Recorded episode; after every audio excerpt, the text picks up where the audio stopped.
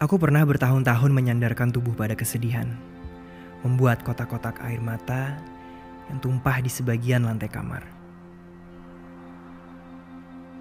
Tubuhku seperti kumpulan dongeng beralurkan tragedi pilu yang biasa kau temukan pada unit-unit rak buku.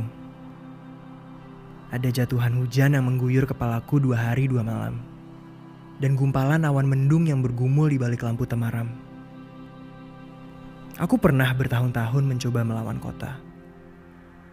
Mengangkut sisa-sisa kesedihan dan cerita duka, lalu sibuk disembunyikan di balik bantal berwarna jingga. Pikiranku seperti terminal kota yang menyediakan teriakan-teriakan kehidupan. Anak kecil yang putus sekolah, dan pengamen muda yang bersenandung nada sumbang di hari-hari melelahkan. Aku pernah bertika dengan diri sendiri hingga tak ada satupun pemenang yang akan kau temui di akhir kompetisi. Rambutku adalah layan kegagalan yang merengek minta dilupakan.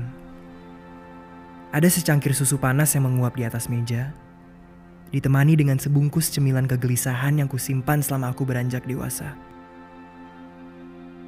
Aku pernah tersungkur mencium bumi, merasa sepi, sembari mengutuk apa-apa yang telah pergi.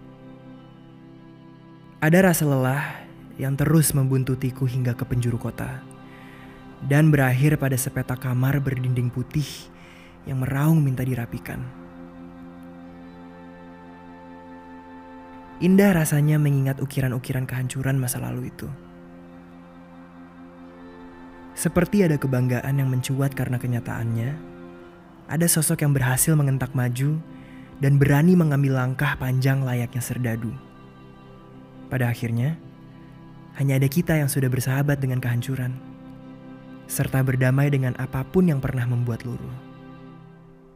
Di ujung cerita, kita akan menerima bahwa waktu adalah penyembuh dari tiap-tiap potongan kegagalan dan rintihan tubuh yang tak utuh. Kita akan sembuh. Kita akan kembali tangguh.